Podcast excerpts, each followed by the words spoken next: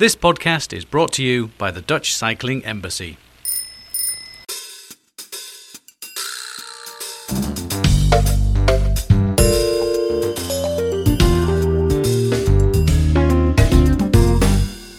Okay, ladies and gentlemen, welcome to this new episode of the Metropolitan Mobility Podcast. And London is calling. Finally, we've got a person who will talk about uh, cycling and walking. He's actually a special commissioner uh, there. His name is Will Norman. Will, are you there? I'm here. London is calling, and uh, we're really pleased to join you today. Yeah, that's really cool. Thanks a lot. Oh, oh, sorry, I forgot to introduce for new listeners. My name is Geert Kloppenburg. Chris, my one of my favorite sidekicks, and who knows a lot more about cycling and walking. Are you there from Delft? Greetings from uh, rainy Delft, and uh, it's good to be here with Will and yourself today. Chris, do you want to give a, a just a short introduction of uh, Will because you guys know each other? Of course, yeah. I mean, one of the favorite uh, parts of my job is showing off Dutch cities to international guests, and uh, I had the pleasure last June of uh, giving Will and a couple members of his team a uh, guided bicycle tour of Utrecht and Amsterdam. We had initially planned to do this podcast recording back in uh, February uh, to, for you and I to actually travel to London and, and do yeah. this in, in person, and then. Of course, we all know what happened then that changed everything. But great to finally get to Will on the line and, and, and find out what's happening there around uh, walking and cycling because I think much has changed since uh, since we last uh, spoke.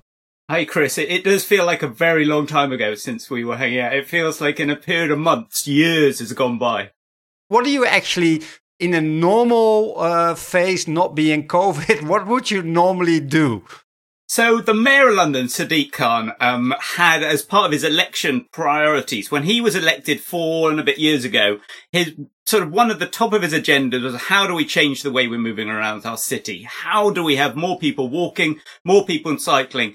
And I think, and really, realistically, there should not be the need for a walking and cycling commissioner in any city. Yeah, it should just be a normal way of planning transport. Walking and cycling should be up there with everything else and it should be prioritized. So in, in, but that isn't the case in the UK. That hasn't been the case. So there is the need in, in the UK context to have someone championing this among, uh, from, from within local government, having our own budgets, making sure that this is a, you know, this, this is taking seriously that we are delivering and it accelerates the change that we've learnt and we can see that's happened in other European cities. But how do we catch up? But my job is essentially to, to champion that, to push forward schemes, to bring people together. I've got all your plans here, all your, your, your infrastructure plans, visions. I've we read almost everything. Let's no, but let's start off with the COVID thing. I think Chris, what is the situation in London at this moment at maybe even personally for you for yourself? So COVID changed, you know, it radically changed the way we look at our, our city. At the moment, I'm sitting in my, in my house. This is a spare, this used to be a spare room in our house. It's now a, being rapidly converted into an office. And like so many other people, we're still working at home. We are, we can travel around, but if you're using public transport, you need to wear, wear face masks. London's actually the city, um, I think the, the case study uh, that we point to when we're talking about the need to increase walking and cycling post COVID, because um, there was a study that I read that uh, the, um, the public transport system is looking at a shortfall of 8 million daily trips uh, that can no longer be made by bus uh, train or tram, and and all of a sudden, if you talk about a, even a fraction of those people getting into their cars, uh, we're talking about traffic chaos, and so there's a real tangible need. It's no longer a need, uh, you know, uh, a nice to have, but a, a, a need to have to stop our cities collapsing under the weight of all those extra cars. I, yeah, this is exactly the case. During COVID itself, we had a 90 something percent drop in the number of people using the, the transport system. And with social distancing, the capacity of the, uh, of the transport system has, has been massively reduced. So if you're talking about a, a one meter distance for social distancing, we can only carry about 20% of the number of passengers we did before. Now that's millions of journeys every day. And if a fraction of those, Chris is right. It's a good way of putting it. If a fraction of those end up shifting from public transport to cars, we'll end up with gridlock. We'll end up with toxic air, a toxic air crisis, which is the very last thing we need in a respiratory disease pandemic, you know, but we will have toxic air. We'll have gridlock, which is bad for the economy. All those essential journeys, the emergency services won't get around, but we're also layering in the seeds of the next public health crisis, so to make London safe, to restart our economy, to to uh, to enable people to get back to work and school safely, and to make it a, a, healthy city in the future, we took the decision to repurpose much more of our road space far faster to to to to allow more people to walk and cycle. And then people have listened are being concrete. How much have you been able to change so quickly during the last months? Let's be even more concrete. How many extra lanes of infrastructure? How many kilometers, or in your language, sorry for that, miles? Have I'll you, do it in kilometers. Like, they sound more. have you added to your system approximately approximately? Yeah. So this is um you know first of all i'd say that this is not a new thing. We have been going through a journey. In the last four years the mayor tripled the amount of protected cycling space in london. Now that was a, a low base but we've in four years we tripled the total amount.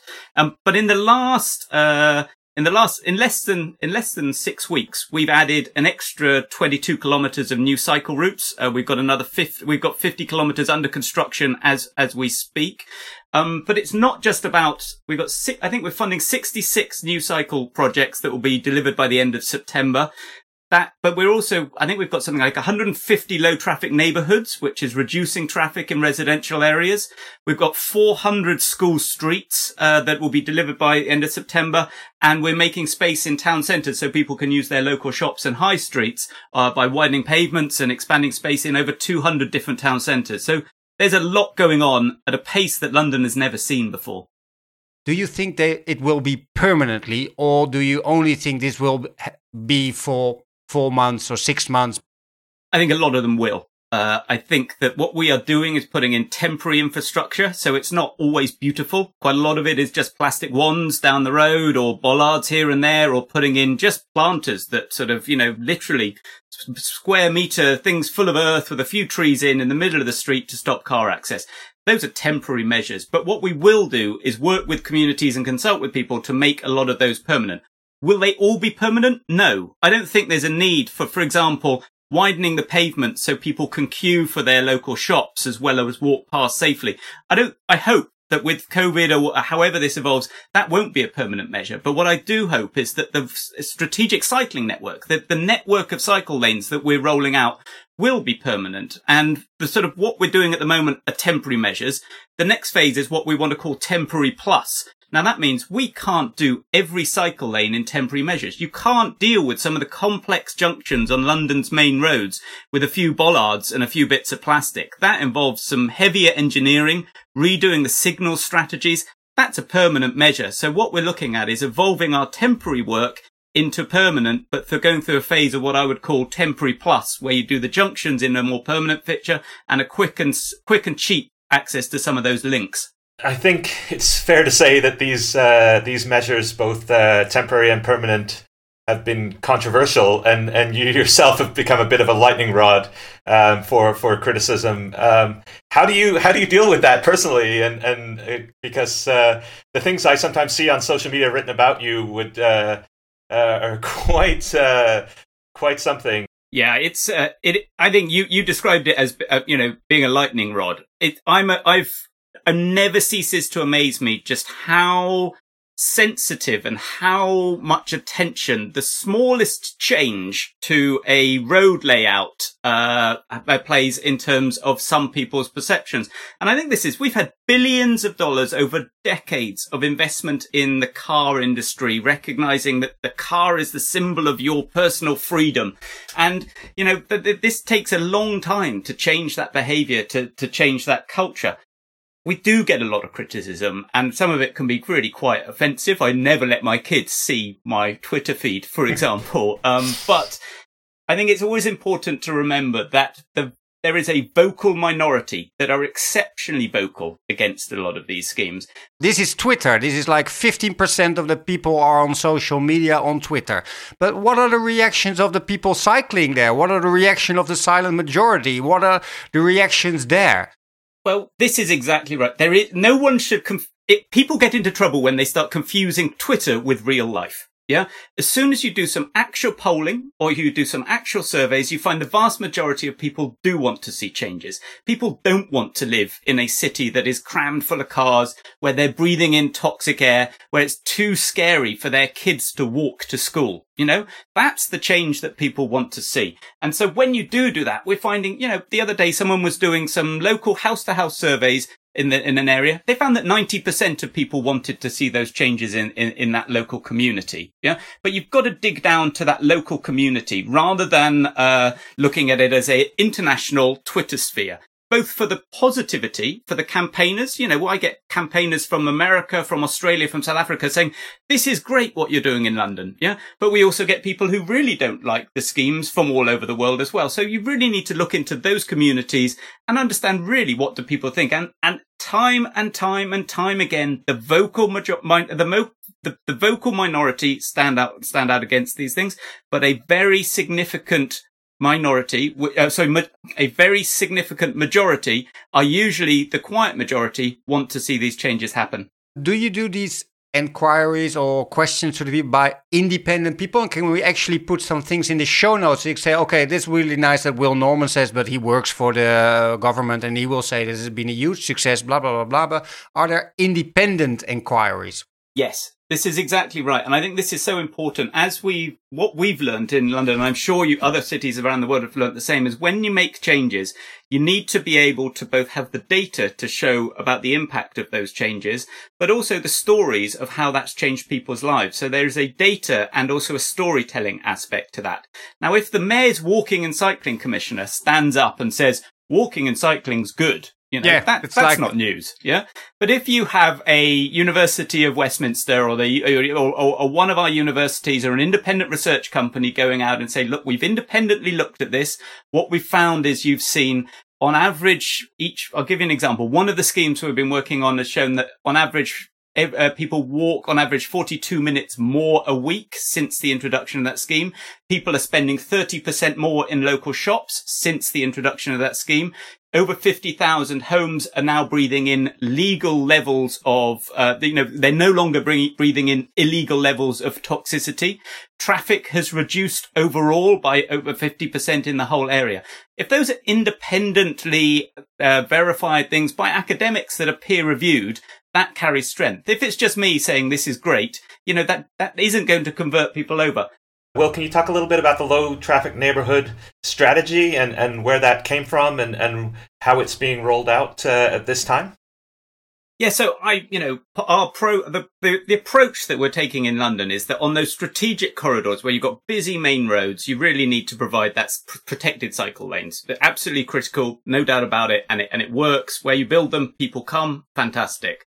However, there, you know, the vast majority of London's road networks are residential roads. One of the things that we saw during COVID was that people just flocked to those residential roads when there was less traffic there. You saw families riding their bikes around and kids going to the park by themselves. You know, deliveries could still come in. People could still get their rubbish picked up. People could still drive their cars to their houses, but it was low traffic. So We've been working on this for a while, learning from examples from yourself and elsewhere around the world, but rolling out this strategy that complementing the cycle lanes, you need these areas of low traffic where you can put in planters. It's simple. It is simply closing off, uh, closing off part of a road so that cars can get access, but they can't drive through. Cutting out what in the UK we called rat running you know, where people stream through those areas trying to take a shortcut. And I'll give you an example. By my kids' school, there's a rat run, and it means that in the in the morning rush hours, all you're getting are people who don't live in the area, who don't, uh, who are not stopping in the area, trying to use those kids' school routes as shortcuts in their cars. The whole strategy behind the low traffic neighborhoods is to work with communities to reduce the number of people who are driving in those areas, making it safer for people to be able to walk and cycle safely. I think every kid should be walking or cycling or scooting or using space hoppers. I don't care what getting to school that isn't in a car. It's good for them. It's good for their community. It's good for our whole environment. Yeah, that should be where our starting place should be. And the key to that is making those neighborhoods safe. I think that's exactly right. And, and funnily enough, my daughter has actually started longboarding. So living in this great cycling city now, she's decided Uh, she's going to longboard for transportation, and and it is in part because of the great cycling infrastructure, but it is this vast road network. I think eighty percent uh, or so of, of the urban streets are just traffic calm to the point where virtually anyone can use the street, and and and I think uh, it, it's it's something that everyone experienced during COVID, and and and and now hopefully can get behind uh, to make some of these uh, these measures permanent. But I think the benefits of these, so just to re-emphasize, the benefits go way beyond transport here. Yeah. This is about building communities. These are places, if people are out on their streets, they get to know each other. That helps build community co- cohesion. That reduces loneliness. It reduces crime. It reduces a whole raft of measures. It's really good for local businesses. You know, we've seen in the local, in the, in the low traffic neighborhoods we have in London that we're getting 40% higher footfall in shops, 30% greater spending. Now, as we, you know, as we need a, a, an economic recovery out of this, actually getting people out of their cars to walk and cycle to those local shops is an essential part of that economic piece. And I've already talked a bit about the air quality benefit. And do you see in those neighborhoods that policy can't change everything, but policy helps? And then a policy measure can be reducing the speed. So, what do you think policy wise are the good things to do in those neighborhood streets, not in the main streets? So I think there are a number of things we need to do. We need to reduce the amount of traffic. That's the critical thing. Reduce the number of vehicles using those streets. We need to reduce the speed at which those vehicles are operating. During COVID, we actually saw less vehicles on our streets, but sadly we saw an increase in the amount of speeding and the number of accidents associated with that. But then the question comes up, how do you want to do that in those streets? I think that's where you need physical measures. You literally need to put in some, they can be nice, beautiful planters. They can be small parklets. It could be bike parking areas that close off the streets. Not closing them off so cars can't use them, but closing them off so at one end of the street it might be closed cars can come in, you can get your delivery, you can get your, your rubbish can get picked up or your, your ambulance or your doctor can visit you, but it means that you don't have that movement through an area. As soon as that begins to happen, it reduces the amount of cut through traffic and therefore makes it easier. The other benefit is that it doesn't just move traffic elsewhere. Traffic isn't like water. Traffic is human behavior. It's not a, it's not a, it's not an inert object. This is how people move around their city in in inert objects, but in itself it is a human behavior. That if you if you make it hard, a bit harder to drive, easier to walk and cycle, lo and behold, more people do walk and cycle. So therefore you have less vehicles on the road, and then that just creates a virtuous circle. And is then, if you would look at the main streets, uh, I've got here from one of your uh, uh, reports. It's on a, it's a, a, case study called Tottenham Court Road, and then it says something. And maybe I'm wrong, but I'm, I, I was I was fascinated about this example because there the street became only for buses and only for walking and only for cycling.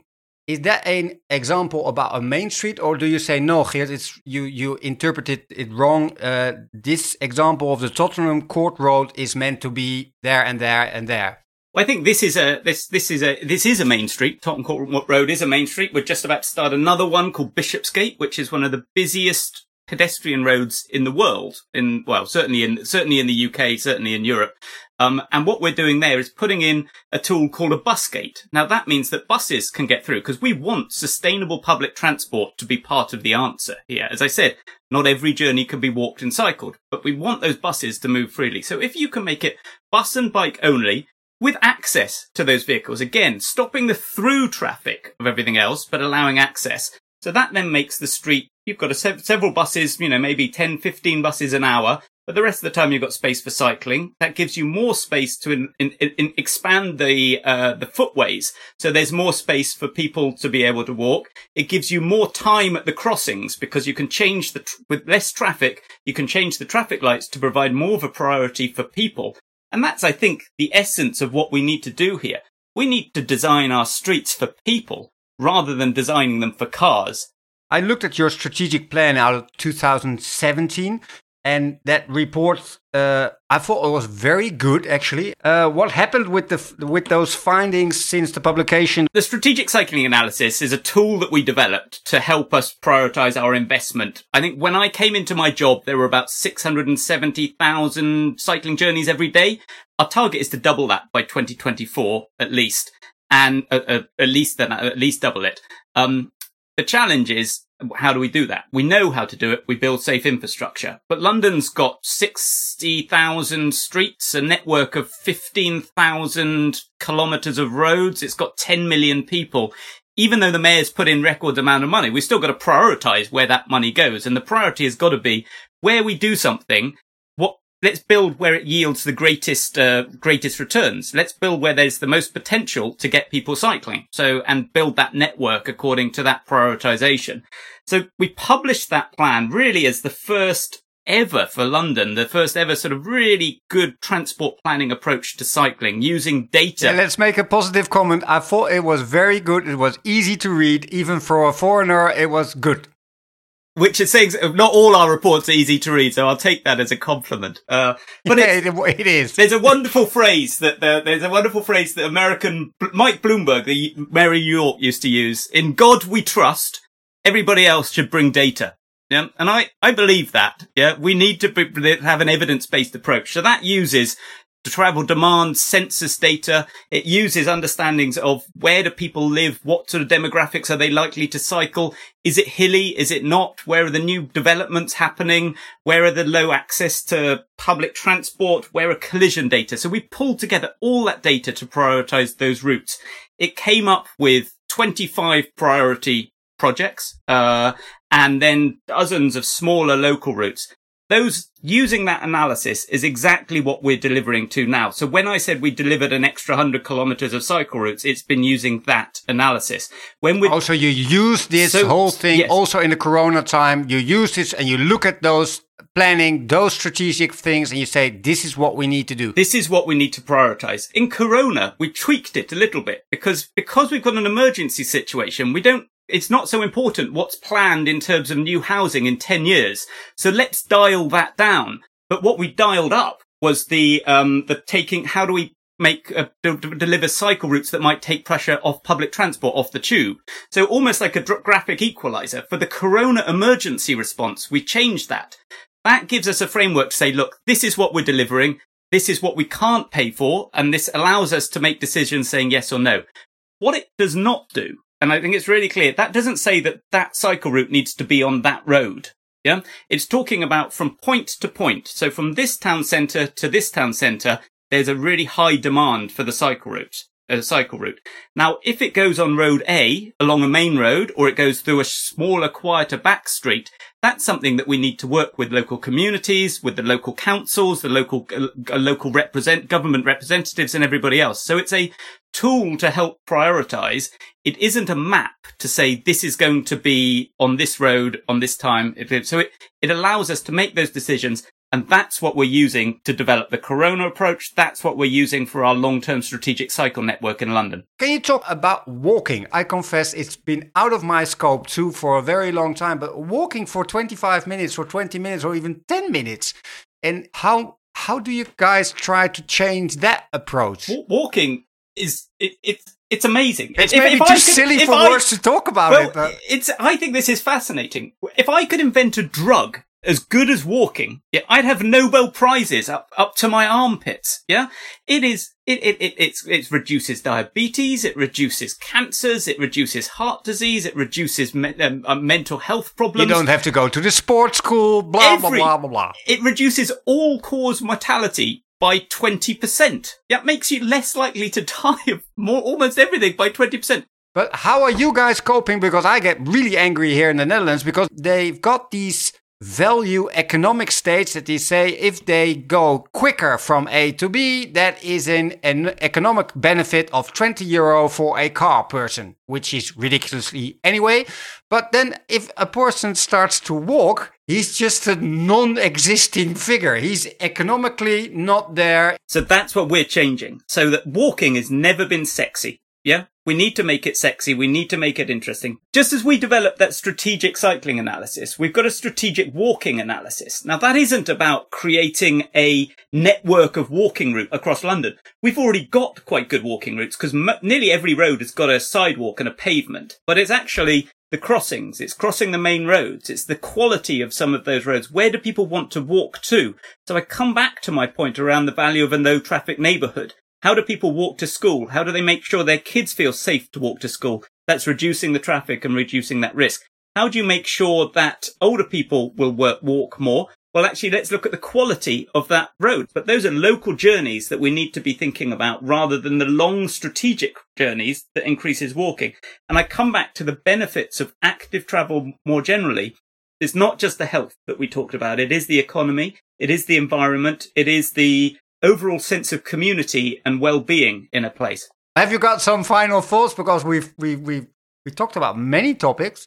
Chris, have you got a final question or? As I, I kind of said, I've been watching intently on social media, and I'm looking forward to actually physically coming to London and, and seeing some of these changes firsthand and uh, actually cycling the streets there because uh, it sounds like uh, a lot of progress has been made in a very short amount of time. But uh, it, it's a testament to the hard work that, that you and your team have been doing, Will, and uh, kudos to that. We've got a huge amount more to do, but this goes just, I want to final just say that this is way more than just me and, and, and my team. The way that change happens in London is about the bravery and the political leadership coming from local leaders. It's around the quality of the engineers and the, and the technical stuff. But most importantly, it is about those campaigners, the communities that are asking for this, who keep the pressure on, who, who are, who are the sort of, they're the driving force behind that. So this is only by bringing together councils, communities, and, and, and, local government together can we actually drive that change. So this is a, you know, I think this is a, this is such an exciting time to be in London, but we've got an awful lot more to do and we need to be doing it an awful lot faster. Will, thanks a lot for sharing all your uh, views and stories and also being so open about what goes right and wrong. Uh, I also really want to go and have go to London and actually see what you guys are doing. And it's one of the examples of a a great city that actually tries to make that change. So thank you very much. Uh, Chris, thanks a lot of joining in from Delft again. Uh, for people listening, this is my favorite part. Everybody knows. Don't forget to subscribe to the podcast and recommend it to your colleagues. Will, do you ever recommend things or do you ever rate things? I, I need. I should be. I always recommend, but I should be rating more. okay, so thanks all for listening. Will, thanks a lot for joining in from London. Chris, thank you very much. And uh, for everybody, stay safe and uh, and hope to speak to you soon again. Bye bye. Cheerio.